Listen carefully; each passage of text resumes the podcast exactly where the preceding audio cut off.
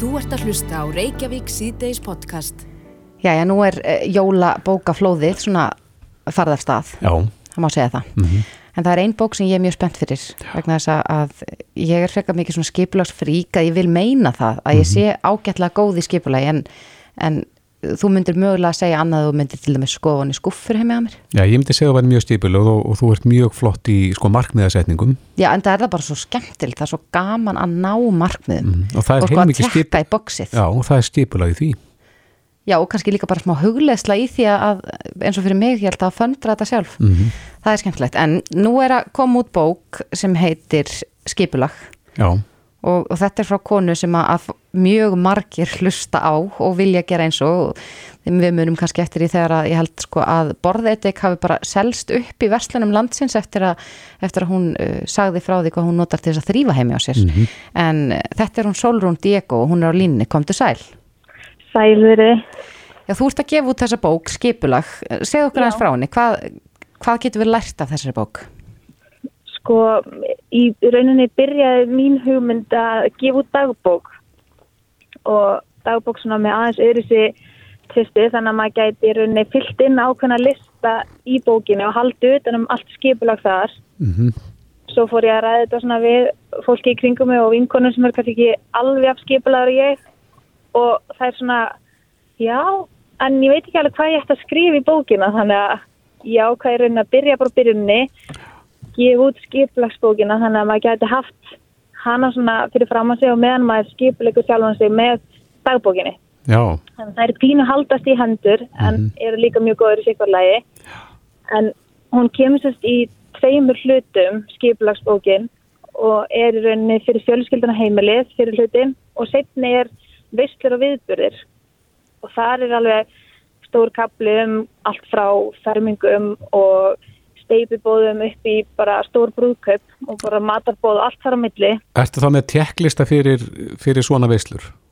Já, og það er rauninni svona það sem kannski fólk miklar mest fyrir sér er hvar það eigi að byrja eða varst að halda stort bóð eða ætlar að fara í ykkur skona framkvæmdir ætlar að skipulegja þau og það var svona það fyrsta oft þar sem fólk hugsa hvað, hvar það eigi að byrja og þannig er svona alls konar góð og ítaleg ráð hvernig sé best að byrja og hvað sé gott að hafa við höndina áður en þú byrjar. Þannig að þetta er svona já, þetta er einhvern veginn svona, þetta er mjög fjölbreytt og eitthvað svona áalvað að vera eitthvað fyrir alla á svona samstað og eitthvað sem ég er búin að sanga að mér í gegnum árin og gott fyrir mig sjálfa líka loksins að hafa allt einhvern veginn á samstað, alla listana mína og allt. Já, ég, ég, ég held að þú ert nú með mjög marga fylgjendur og hefur leift fólki að skikna svona inn í, inn í bæði þitt skipul og þitt líf í lengri tíma. En eitt sem ég rak augun í er að þú ert líka einfalda uh, innkaupin og þetta hefur þú nú verið duglega að gera á samfélagsmiðlum sjálf, ekki satt?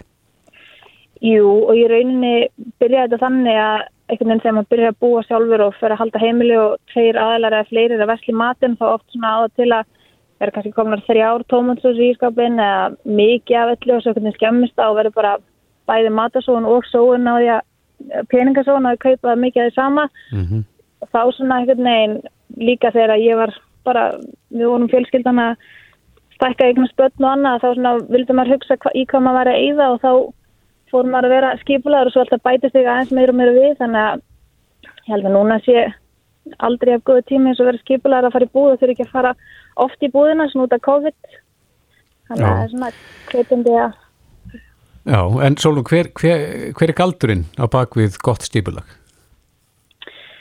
Sko, ég myndi segja að væri að setja ekki óraunhafar kröfur á sjálfan sig því að það er enginn sem að byrjar bara á því að skipleggja allt. Þetta er bara eitthvað sem kemur ákveðin tíma. Maður byrjar á einu og sér að það er hvetjandi og að ef það auðveldar manni lífið þá getur maður bætt alltaf meira og meira við sig. Svo bara er að ferja eftir aðstæðum í fólki hvort það haldi áfram eða, eða hreinlega bara hendi ekki. Þetta er ekkert kannski fyrir alla en Ég held að segja já, það að vera hvetjandi og passa að setja sér frekar lítil markmið heldur en ofstór og náðum frekar, Mhm. þannig að þetta halda áfram.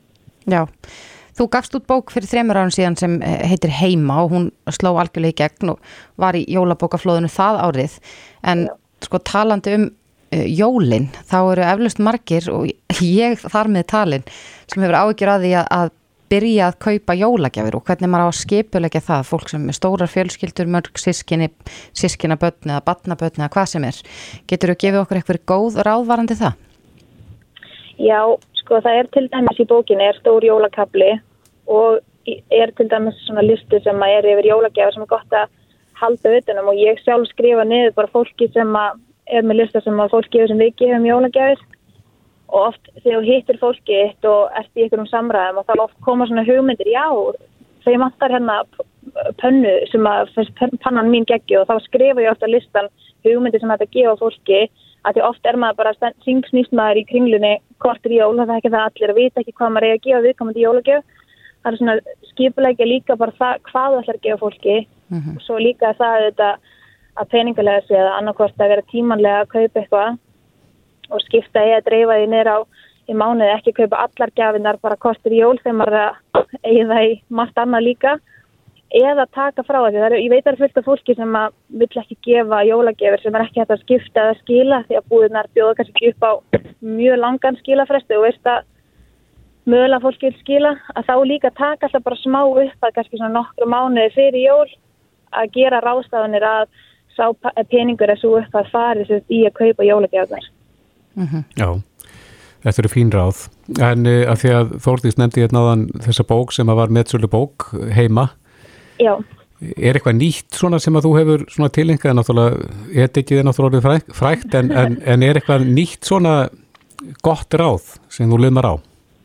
Mm, ég held að sé aðla bara það að, að vera svolítið bara svona uh, ofinvarandi að þetta er alveg tvent ólið, þetta er hinn var svona meira þrýfbók mm -hmm. og þetta er svona skiplarsbók og mér finnst það ótrúlega gott að ef þú ætlar að setja það markmið og ætlar að breyta eitthvað svona líf, um lífstíla að breyta og bæta heimahæðir að vera bara frekar ofin með það og svona tala ofinskátt um það. Því að leiður búin að segja upp átt og komaði frá þér þá er eitthvað svona ertu líklegri til þess að ná markmiðunum. Já, hefur þú heyrt af því síðan þú gafst út hérna bókina að fólk hafi tilenga sér eitthvað af því sem að þú kendir í henni?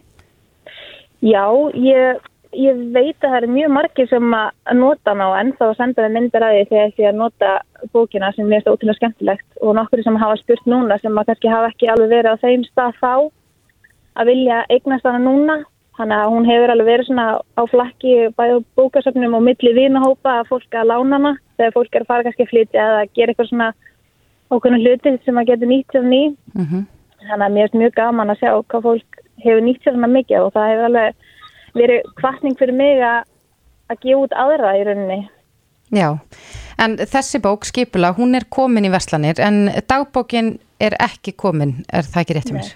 Jú, hún er komin á neti í Forsölu en kemur núna á næstu dögum í búði líka. Já, Solrún Díeko, gándiði vel með þessa bækur í, í flóðinu fyrir þessi jól. Já. Kæra þakki fyrir þetta. Takk sem leið. Blæs, blæs. Blæs. Þú ert að hlusta á Reykjavík C-Days podcast. Það voru nú einhverju sem að uh, eh, rendust í það í nótt að baka eftir hérna tölum. Já, ég er nú frekar ánað að ég gerði það ekki. Einmitt. Annars væri ég ennvakandi. Já, þannig að uh, þessu mun ekki ljúka strax, það er að segja loka tölur, mun ekki koma næstuði strax, en, en uh, það er frólægt að fylgjast með stöðunni. Er spurning hverjar nýjustu tölurnar séu núna.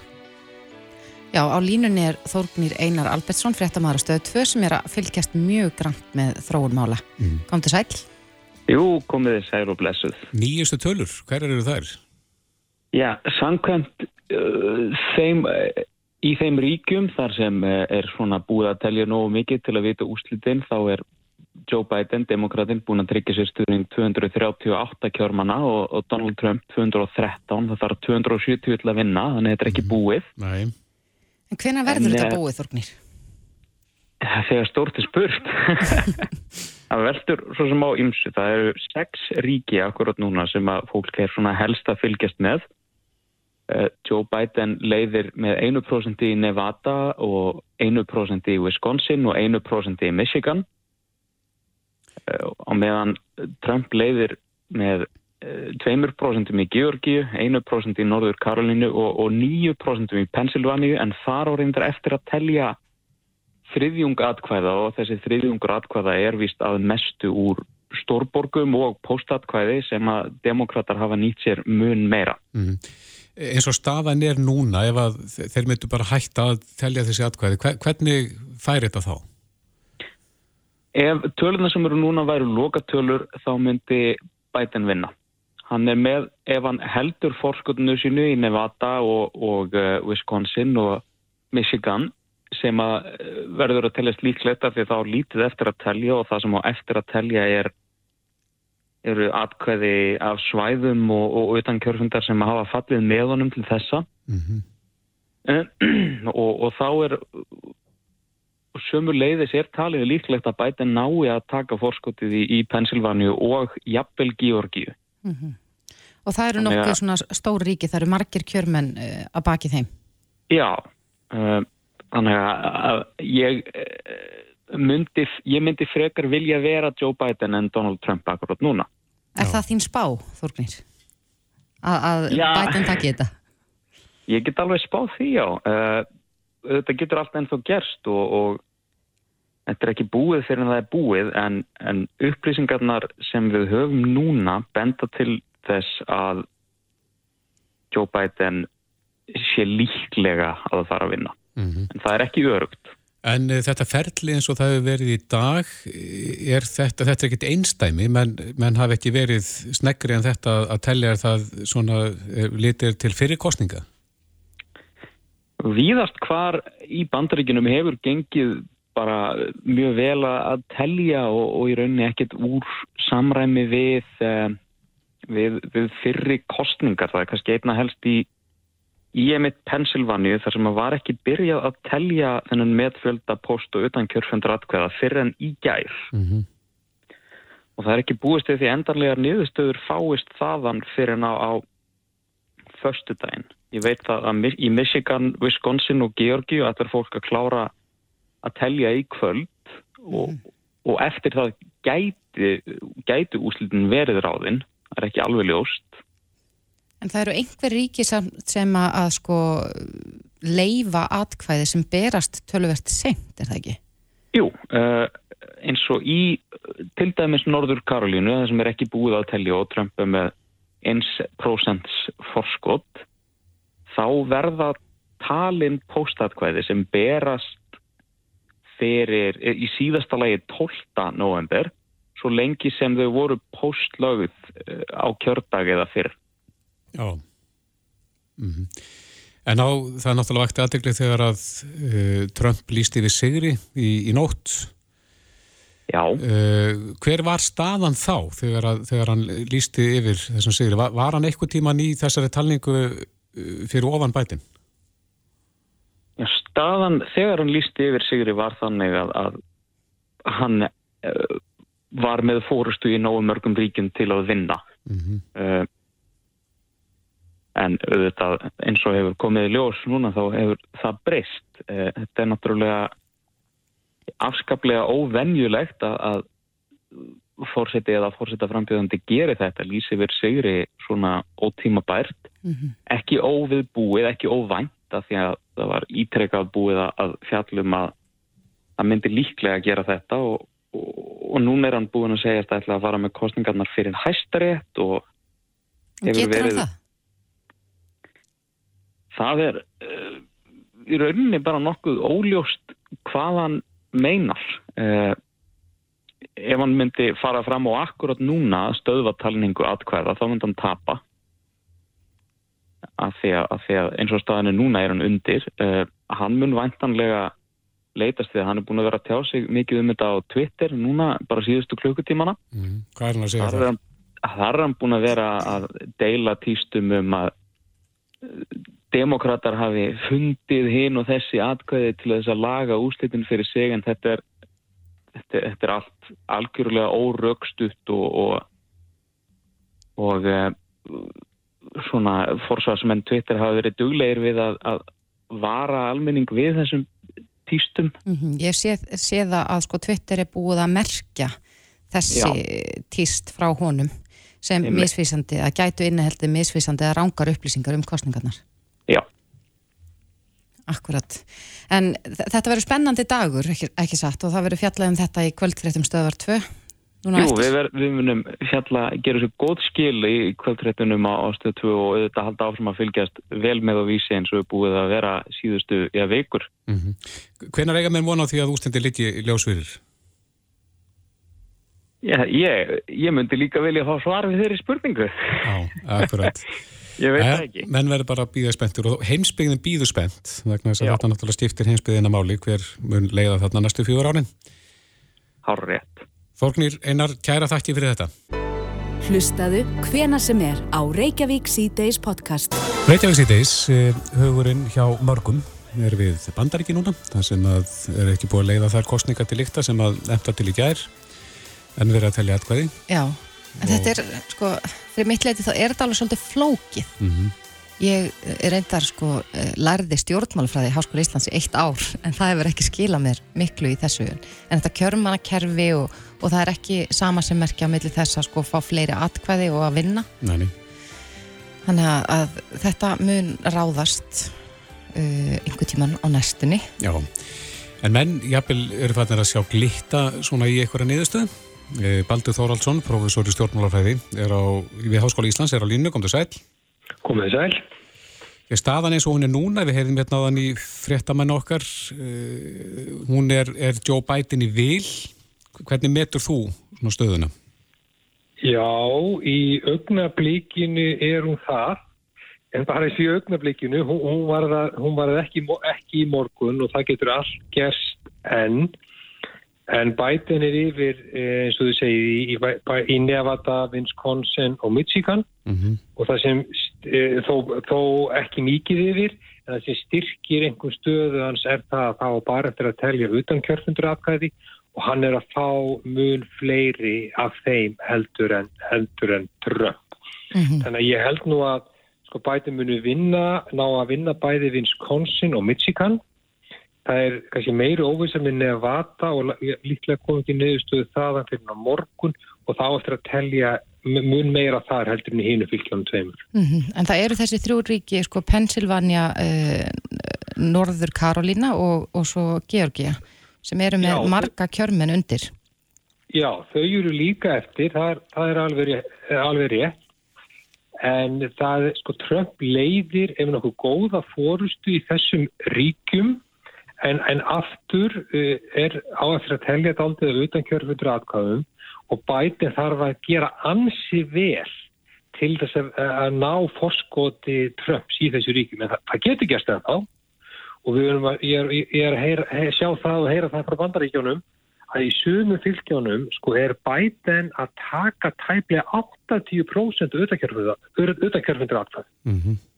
og ef hann er að ná því til þess að jafnvel í pensilvaníu þó að muni ykkur 100.000 100.000 atkvæða í dag þá getur hann jafnvel unnið upp þennan mun. Þannig að það er ennþá mikil óvissa hvernig þetta fer. Já, en þegar að Íslendinga vöknuði morgun og þá var staðan að sér tvísin og, og Trump gekk miklu betur heldur en svona kannanir gerður áð fyrir en þú settir fæslinn á fésbókina eina þar sem að þú ert að, að velta fyrir þér liklinum að þessum góða árangri Trumps í það minnst að svona kakvart fyrstu tölum.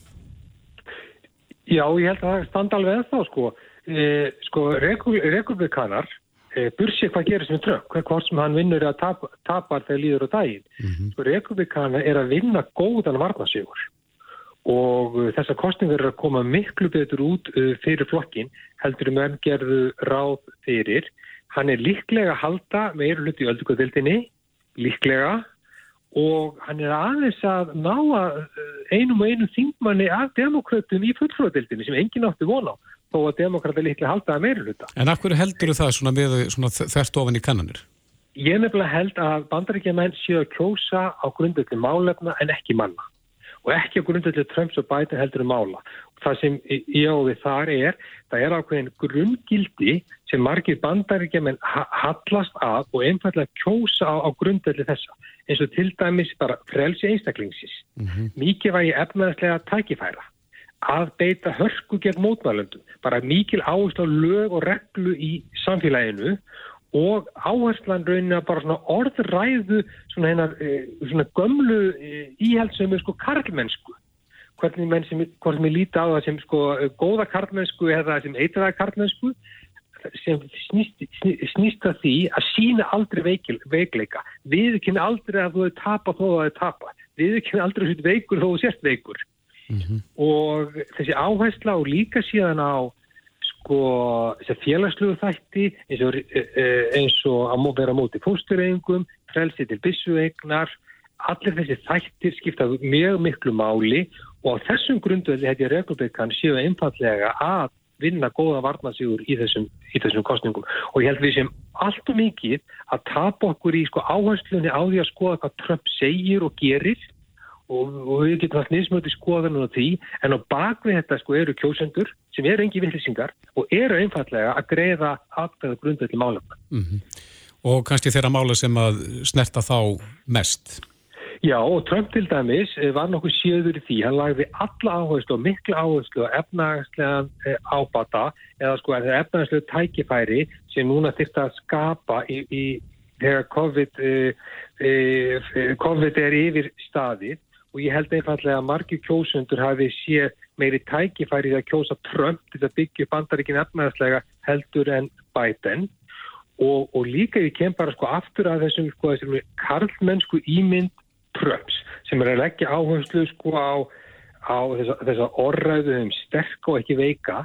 Það er stór merkild að sjá núna niðurstöðu sem sína að Trump er að fá meira fylgi núna heldur við fjórum árum og í, í hópum eins og svörtum karlmönnum og karlmönnum á rómuskum upprunni í Amríku. Mm -hmm. Hann er að gera mjög betur í þessum hópum karlmanna heldur en fyrir fjórum árum.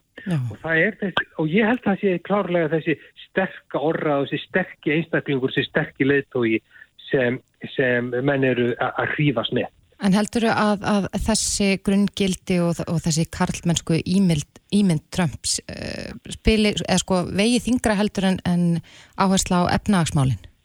Ég held að það fari, fari saman, ég held að það fari saman, sko við sjá, sko stóra kannanir sem verður að gera meðal kjóðslit í bandaríkjónum sem framkantur í Evrópu er að sína það að, að grunngildi þeirra hefðundu kjóðsindagreglumdana er að færast til hæri. Það er að þeir eru að leggja meiri áhersla sko vald, lög og, reg, og reglu og ég vil enn meiri frelsi einstaklingsins.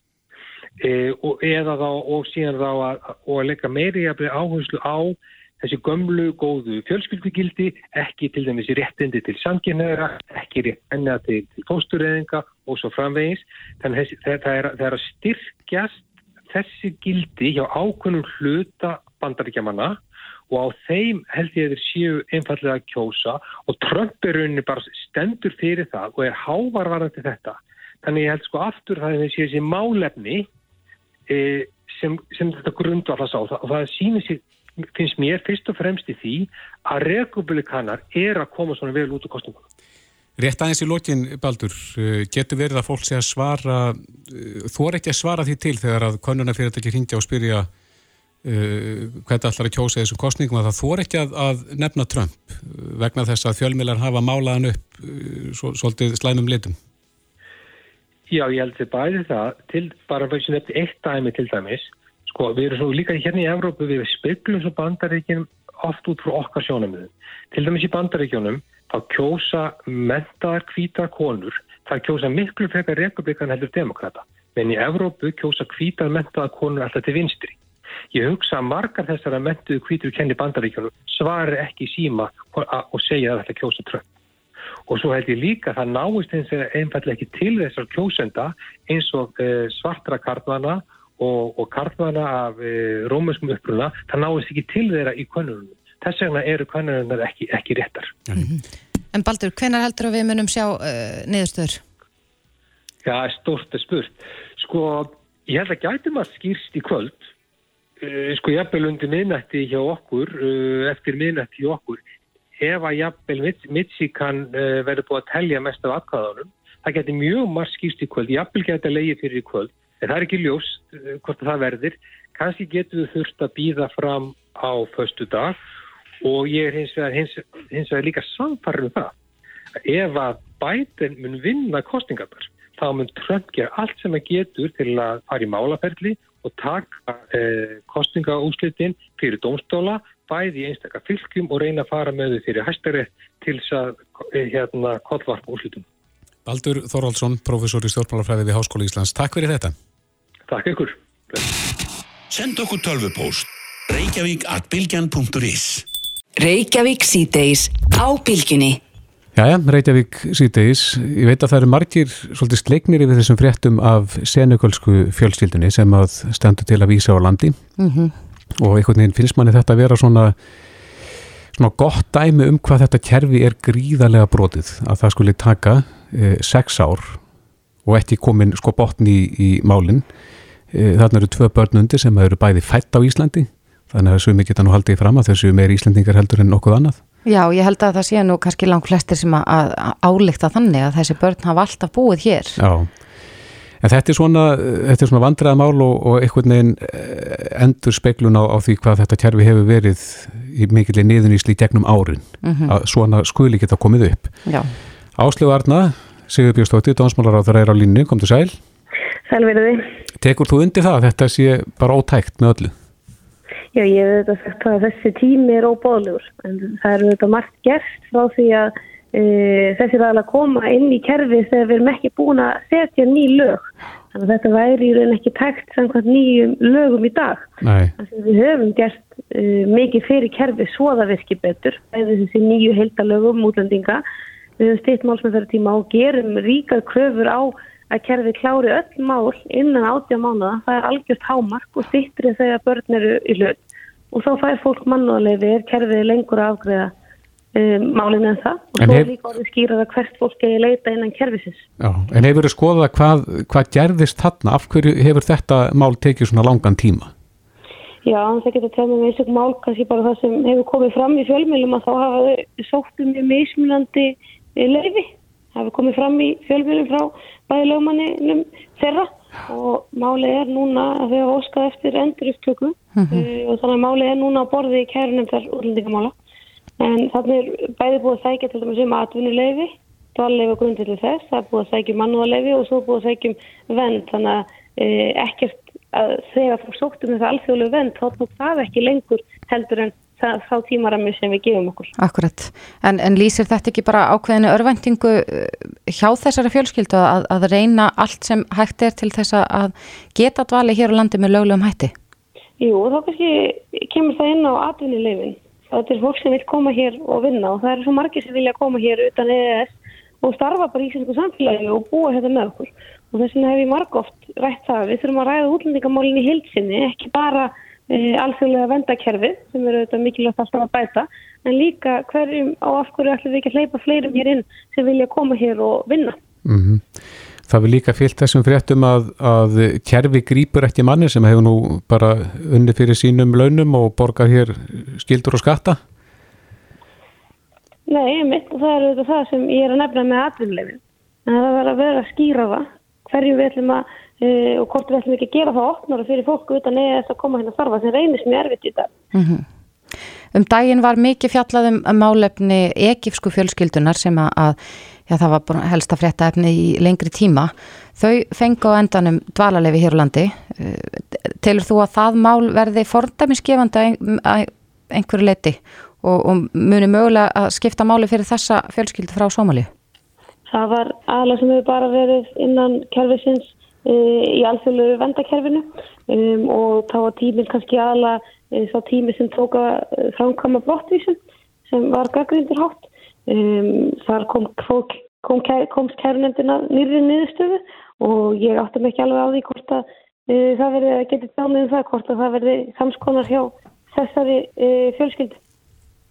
Já, Og mikilvægt auðvitað að við skoðum þetta og lærum að svona málum. Svona mál er einmitt e, þegar þau komum upp og þá getum við oft séð hvort að það þurfa að bregðast eitthvað við í kerfin okkar en alþjóðlega vendakerfið er farið að virka mun betur heldur en það kannski gerði fyrir fjórum, fimm, sex árum síðan. já. En hvað eru mörg svona mál eins og mál þessarar senegursi fjölskyldu í kerfinu núna? Eigum við vona á að heyra fleiri svona málum? Ég býst við að það sé ekki margir sem hafa dvalið sérna svona lengi. Við hefum aldrei séð uh, svona langan tíma uh, í lengri tíma uh, og við höfum auðvitað stitt málsmennfæri tíma gríðarlega við erum að svara fólki fyrir, við erum að veita fólki hér vend sem þarf á því að halda og hérna fellur undir það og meira heldur en í nágrannlöndunum okkar og hér eru líka að koma fleiri en samt eru við að ná að stýtta málsmið fyrir tíman. Þannig að þetta eru við bara alltaf að gera betur og það eru færri hér sem brelja í, í lengri tíma. Mm -hmm. En áslagarna, áður við missum þig úr símanum, þá langaði mér nú aðeins að ræða líka uh, hérna það sem kom fram í kompás í dag. Þetta var, það var að vera að fjallum um kynferðslegt ofbeldi gegn börnum á netinu og, og áreitu og annað slikt en það, það er nú eitt af þeim málum sem að, að þú ert einni með en það er frumvarpum kynferðslega friðhelgi. Já, þar eru við að setja skýrt stressi ákveði og auka friðhelgi einstaklinga til dæmis, dreifingu og að senda nektarmyndir áfram án leifis. Það hefur verið svona þellt undir í dag í mjög ákveði hegningalagana sem kannski sá ekki fyrir þannan stafrana, þessa stafranu framtíð, eins og múið segja og við þurfum að hafa kerfin okkar þannig að þau virki uh, þeim, þeirri teknilíngum sem við erum að sjá. Og það þarf að vera algjörlega skýrt og það er ekki og það er sé brot að uh, senda áfram senda mynd sem þú sendir uh, án þíns leifis og það brýtir þá á þenni kynferðslegu friðelgi og þar er þá reksir að mig upp á fjögur ár. Mm -hmm. og líka tekið á því að það sé bara að hóta slíku og falsa slíkt að því við erum líka að sjá dæmi þess að svona myndir séu falsaðar um, hér á landi. Já, en er þetta skilgreynd sem ofbeldi í lögunum í dag eða sérst í þessu frumvarfi? Já, þetta er sem sagt uh, skilgreynd sem brot á kynferðslega friðelgi það getur verið mismundi hvernig uh, hvað fellur þetta undir en það er einmitt þetta stafræna kynferðsofbeldi sem fellur það undir og hendar klám og þessi orð sem við erum að ná þá víðar auðan um það og hvernig sem tækni muni þróast og þá er það brot á þinni friðhelgi, það er ofbeldisbrot að, að nota svona myndir gegn þér á þinn samtíkis. Já, Áslegu Arna Sigurbjörnsdóttir, dónsmálar á þeirra kæra þakki fyrir spjallið. Takk sem leiðis. Bless, bless. Reykjavík síðdeis á Bilginni podcast. Reykjavík síðdeis, það er komin út nýr kompás þáttur á, á vísi. Já og eins og síðast þegar kom út þáttur af kompási þá er þetta nú ekki, ekki gleðiefni sem verður að ræða þar en, en, en þessi þáttur sko fjallar um uh, kynferðis, kynferðslegar myndir og kynferðslegt ofbeldi gegn börnum sko á netinu. Svona stafrænt ofbeldi. Stafrænt ofbeldi, já. Mm -hmm. Og þetta er vaksandi vandamál. Það hefur alveg uh, sínt sig síðustu ára að, að, að þetta er, er fullt af síðum á netinu sem að dreifa myndum þannig að ef að, ef að eh, börn er að senda mm -hmm. vinum eða, eða kærustum eða eitthvað slikt myndir að þá er eh, oftast þannig að það er ekki endapunkturinn. Nei, myndin fer í meiri dreifingu. Enda en okkur um klámsýðum Já. En, Og þetta er farið að tegja sér niður eða neðar í aldri það er að segja þau börn sem að verða fyrir þessu ofbeldi. Já, það kom fram í þessum þætti að sko börn allt niður í sjóra aldur Já. eru að verða fyrir slíka ofbeldi. Mm -hmm. En uh, varandi þetta, þá ætlum við að ræða við hana Solborgu Guðbrandsdóttur sem heldur út í miðlinum Fávitar og hún er á línunni, kom til sæl. Hæ, gaman að heyri ykkur. Já, þú ert nú búin að koma þér ansi vel inni í þessi málefni og þú heldur út í þessu miðli. Getur þú sagt okkur kannski fyrst fyrir þá sem ekki þekkja, hvað er Fávitar? Já, Fávitar er Instagram síðan sem ég byrjaði með fyrir næstu í fimm árum síðan. Mm -hmm. til að reyna að varpa ljósi á það hversu algengt uh, kynferðsleif áreitna á netinu væri. Og mér langaði einhvern veginn að reyna að gera svolítið, já, uh, gaggrína normaliseringuna á þessu ofbeldi á netinu því að mér var svolítið sagt þarna bara að hætta þessu væli og svona væri þetta bara. Og ég hef búin að sinna þessu núna eins og segi í fimm ár og vinn við að fræða aðalega um fólk um jafnbreytti og ofbeldi svona aðalega. Mm. Hvar drögum við mörgin? Hvenar er, er þetta orðið ofbeldi? Já, það er góð spurning sko. Uh, allt þetta kynfyrirslega sem er ekki með samþyggi er ofbeldi. Mm -hmm. uh, saman hvort það gerist á, á netunni eða, eða í daglegu lífi. Mm -hmm. og, og þetta eru alls konar um, já, alls konar byrtingamöndir af ofbeldi. Þetta er, þetta er á netunni undir líka einmitt eins og segi þetta er daglega lífi. Akkurat. Það hefur oft komið umræðina að, að ja, börn verði fyrir þrýstingi frá öðrum börnum, jafnöldurum, jafnvel eða, eða fullordum að, að senda af sér myndir og, og það er skilgreynd sem ofbeldi ekki satt? Jú, ég menna það að þynga eitthvað eða suða um þessar myndir er ofbeldi í sjálfu sér. Og ég þekki það bara í samskiptum mínum við, við út fólk að þau með upplega rosa mikla pressu að senda svona ákveðnar flexmyndir af sér sem eru kynferðislega myndir eða nektarmyndir. Og þetta er mér svo það algengt að stundum er út fólk í keppnum að sapna sem flestum svona myndum Mm -hmm. Þannig þetta er ekki alltaf bara á milli sko, náina einstaklinga í romantísku sambandi. Stundum er þetta bara krakkar og grunnskólandi í, í ykkur keppni. Akkurat. En já, það var, var nú svolítið sláandi að, að horfa þennan þátt af kompási þar sem er verið að tala um að þetta fari tegisalt neyri sko sjóra börn og eins og þú segir þá ert þú að fræða börn um þetta er, er tilumni til þess að byrja bara strax með þegar börn byrja í grunnskóla að, að tala um þessi mál? Já það finnst mér algjörlega, ég held að við sem að byrja allt og allt og seint að fræða börn um mörg og samþykki og, og virðingu í samskiptum. Ég held að sé bara mjög mikilvægt að byrja miklu fyrr að ræða þessa hluti að því að þau eru líka kall eftir aukinni fræðsli, ég skil ekki hvað þetta er að stoppa í kerfinu. Nei. En eh, hvar verða krakkarnir helst fyrir þessu óbeldi? Þetta er á samfélagsmiðlum og er þá Snapchat, Instagram, Facebook, svona áðurlega. Já, en þessir yngstu, er það inn á einhverjum leitja síðum? Það getur alltaf verið þannig líka og eins og kom fram í þessum þætti að þá er, er einhver dæmið um það.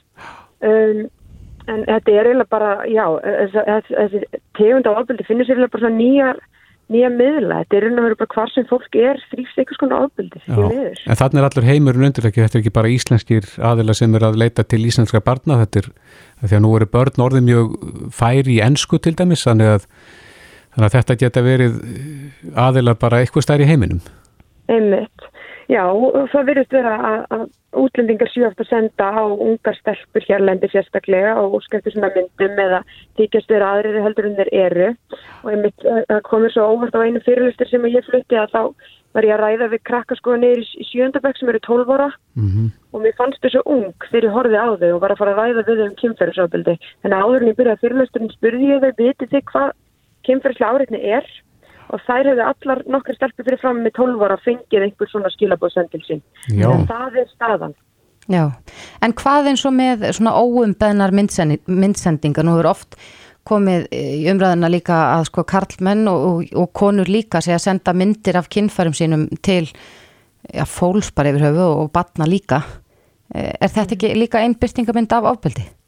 Jú, algjörlega ég sagði á hann, það sem er ekki með samþykju og er kynferðislegt, er kynferðisofbeldi og það, það að senda svona nektarmyndir af sér er sjálfur sér ekki ofbeldi bara og alls ekki, en ef það er ekki með samþykju að þá er það kynferðislega áreitni og það fellur að með skilst annarkvært undir, undir greinina um kynferðislega áreitni eða blíðuna sem er sprott en fólk getur vissulega að leita til lauruglu og kært svo leiðismyndir. Mm. En nú held ég að þessi aldingar heldur en kannski marga grunar að, að sérstaklega konur er að fá óömbuna tippamyndir mælir þú með því að, að eh, konur tilkynni þetta? Uh, já, ég mæli með því. Ég held að það sé mikilvægt að einmitt af því að þetta er, þetta er ofbeldi, þetta er refsverðs samkvæmt íslenskum lögum að það er okkar réttur að, að kæra og, en, en svo er þetta bara undir fólki komið sem að verða fyrir ofbeldi hvort að leiti rétt að síns eða ekki og þessum kannski enginn skild að gera það en, en við þurfum að setja fordæmi í þessum málum það þarf að vera, vera harðari refsing um, og þá þrjuðu þetta að kæra mm -hmm. til að þetta komist í eitthvað ferli. En dugar eitthvað að, að tilkynna fólk inn á samfélagsmiðlunum til þá eins og Instagram eða Facebook eða annað slíkt? Ég, nei, mér finnst það ekki. Um, stundum eru, eru svona fake síður teknar niður eða fá, fá mörg, margar svona tilkynningar mm -hmm. en ég held að sé miklu betra að leita bara til örglunar. Já, kannski rétt að lókum Solborg, þú varst að gefa út bók sem ber heitið Fávitar, rétt eins og, eins og síðan sem þú heldur úti.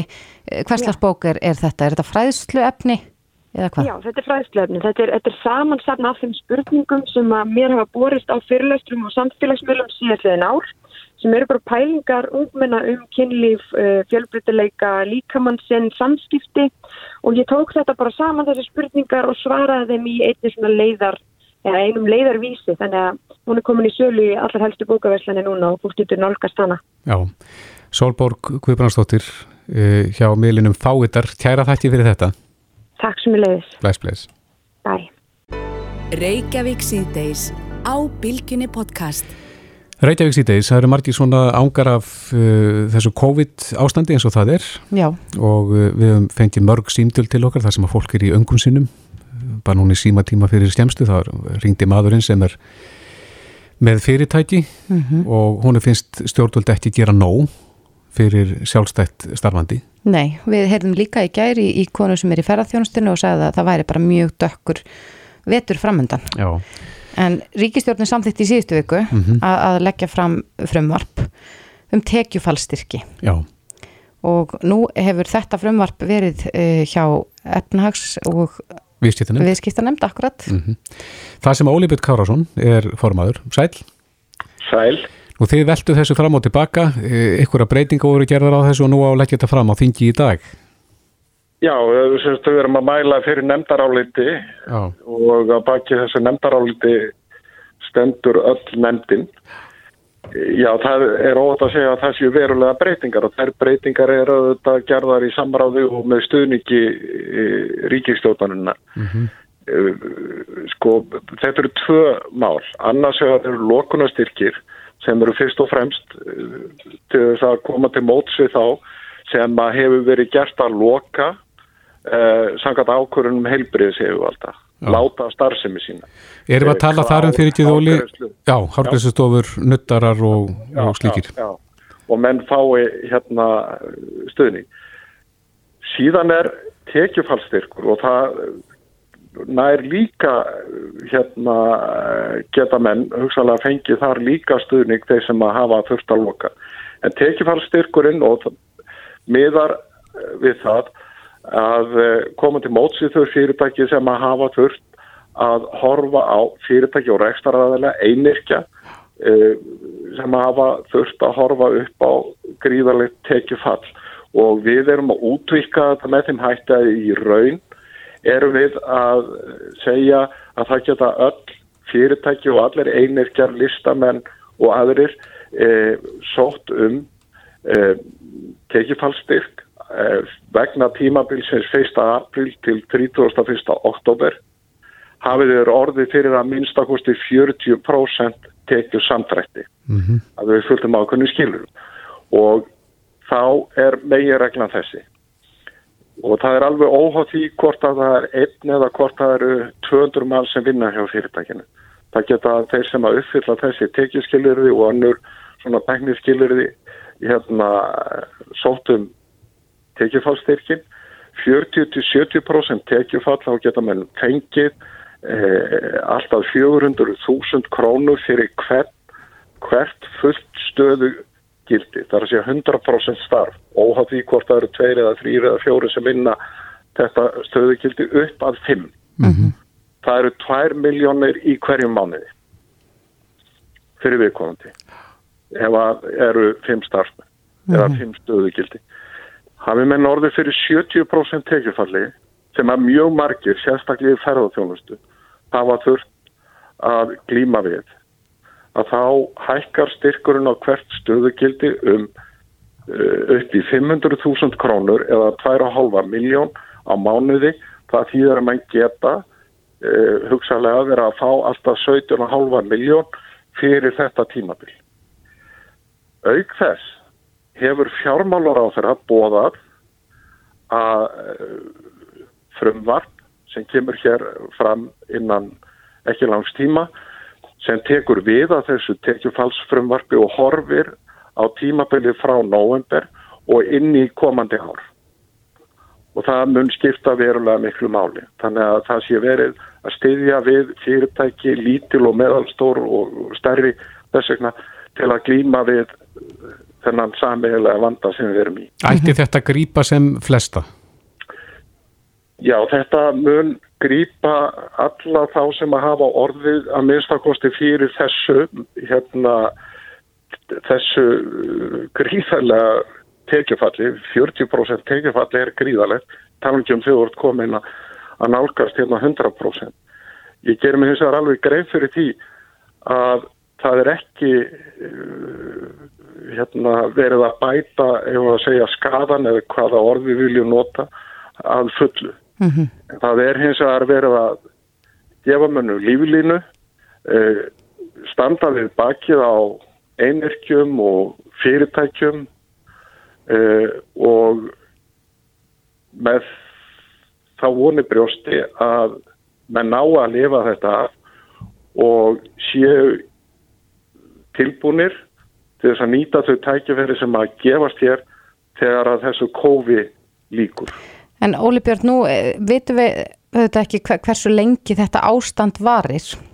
Um, er, er, er þið byrja að, að sko spá já, spá í framtíðina? Hvernig, hvernig þetta verður, hversu lengi við er, ríki getur veitt þessa styrki? Já, það er líka eh, hægt að spyrja á hinvegin hvað myndi það nú kosta okkur sem samfélag ef við tækjum ákvörunum það að sigla ekki þjætt og styðja þjætt með og styðja við e, viðskipta hagkerfið það sem að verðmættinu eru búin til. Mm -hmm. Ég hef ekki að tjónið er því svo yfirgengilegt að ef við tækjum ekki þessa ákvörðun. Auðvitað sjáum við ekkert mjög langt fram í tíman. En við erum líka að, hérna, að ganga út frá því að þessu linni það hafa aldrei svona farsóttir staðið yfir í mörg ár.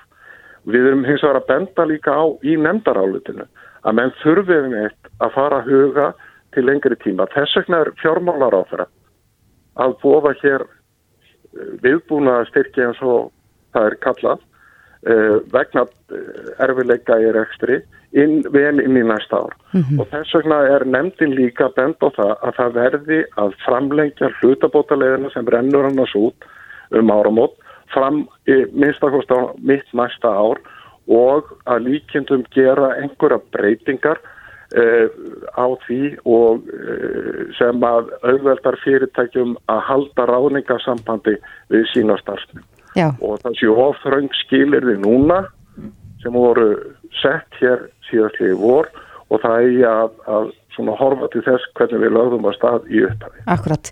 Það var nú aðeins uh, heyrðist aðeins í þeim sem að sóttu um, um þessi úrræði ríkistjórnarinnar bæði hvað var það hlutabóta leið og annað að það væri já, erfitt að sækja um að það var ekki auðvelt að, að nýta sér uh, þessar leiðir hvernig verður það með, með þessa styrki? Sko nú kann að vera að, að það hafi reynst erfitt í upphafi bara vegna þess að, að það voru gríðarleg eh, eðlumálsins sannkvæmt var voru gríðarlegu fjöldi umsókna um til dæmis slutafætunar og, og, og svona menn þurft að ná utan um það. E,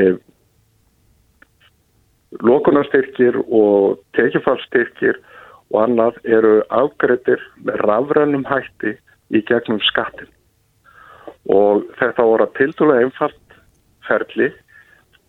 Kerfið er hins vegar ekki tilbúið vegna þess að það er ekki hægt að útbúa kerfið fyrir en við hér á alþingi erum búin að ákveða eftir hvaða leikreglum á að fara. Nú líkja þær fyrir, það er einhugur í nefndinni um þessa aðferðafræði sem er og þá er hægt að hefjast jáfnvel handa við undurbúningin en þann tekur alltaf einhver tíma mm. og þetta mun taka einhverja vikur áður en að menn geta farið að afgreða formlega umsóknir um tekjumfallstyrki og lókunastyrki. Þannig að ég er ekki að gefa mönnum vonur um það að þetta gerist í komandi viku. Nei, en Óli, rétt aðeins í lokin, þú segir að þessir styrkir sem að þið eru að fjallum núna þeir gildi frá april fram í oktober. Akkur er þetta ekki látið lifa lengur? Já, það er nú kannski aðalega vegna að þetta er hérna byggt upp á það við vitum hver fortiðin er, við vitum hver tekjufallið er og síðan er eins og ég sagði áðan frumvar fjármarðar á þeirra sem hann er búin að bóða mun taka síðan við frá með nógumber og inn í komandi ár. Þannig er þetta að hugsa, þannig að það sé samfella í þessu og menn gerir sig grein fyrir því að það er ekki verið að láta stuðningi við eða skilja menn eftir og köldum klakanum 31. oktober. Bytt Kárásson, kæra þakki fyrir þetta. Takk sem leiðis. Þetta er Reykjavík C-Days podcast. Reykjavík C-Days. Það er alltaf gaman að heyra því þegar að Íslandingu gengur vel Já, og við erum svo hrífinaði þegar að sko, landar okkar slá í gegn Erlendis. Ég veit að þetta er eitthvað svona þjóðarstolt Já. pæling sem að ég held að sé mjög, uh, þetta er mjög ríkt í okkur. Einmitt. Nú einn skemmtilegast Íslandingur en að margra mati, Ari Aldjótt, hann uh, hefur greinilega hitt á ákveðna taug hjá þeim hjá Netflix Já, líklegast hlátur töðunar. Við sáum nú Ara í sömar á, á Fosshótel uh, Jökulsálón og ég manna að mér fannst þetta allavega alveg rosalega fyndið. Einmitt. Og flestum hann inni. Já, en já, það var að koma í ljósa að Ari Eldjón verði með uh, eh, uppistand mm -hmm. Sem verður í bóðin á Netflix frá og með öðrum desember næstkomandi þannig að við þurfum aðeins að halda í okkur að fá að sjá þetta mm -hmm. en Ari er á línni, kom til sæl Já, komið sæl og blessi Já, hvernig kom þetta til?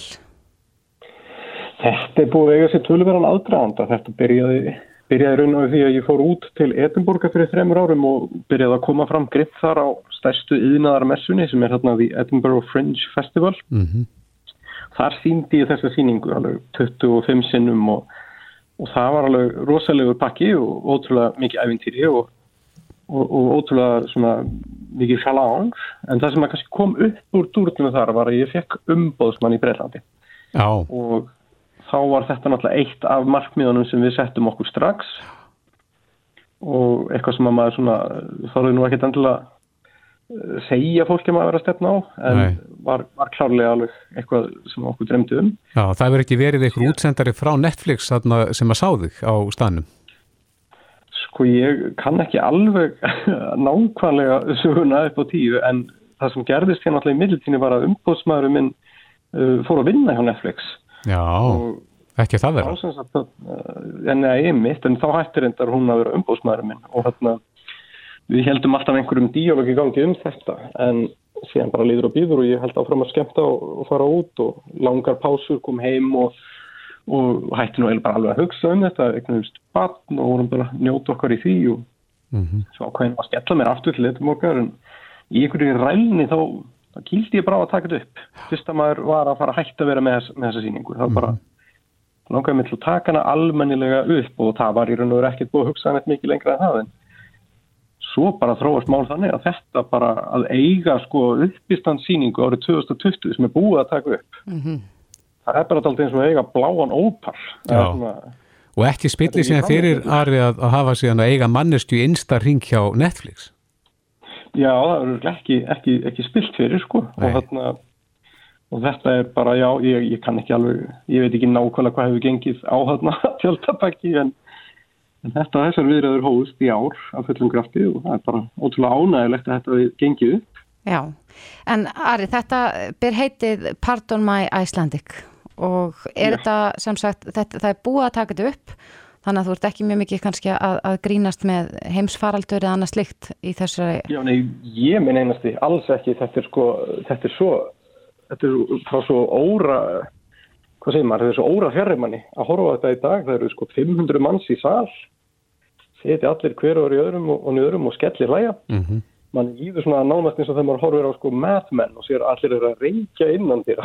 Þannig líður man í dag þegar maður sér svona mynda fólki sem er ekki með sóttvarnar ástæðan Já, ég sammála Mátti þetta Akkurat En uh, hvað, hvað er hérna hvernig lítur reikningur nút fyrir þig? Færð þú fyrir uh, hverja spílunin á Netflix eða er þetta bara einn summa sem þú færð fyrir að, að gefa leiði fyrir þessu efni þannig? Já, nei, ég bara seldi þetta núna bara á Netflix, þetta þeir eiga alltaf sitt efni sjálfur, mm -hmm. sko, þegar þeir gera það sem heitir Netflix Original, þannig að annars framlega þeirra frá grunni eða þó að þeir kaupa það og taka það eður og það er náttúrulega það sem ég, ég ger í þessu tilfelli. Er þetta góðu dýl? Hann er ekki træðlur en hann er hins vegar trúðamál. Þannig þú ætlar ekki að útvarpa því?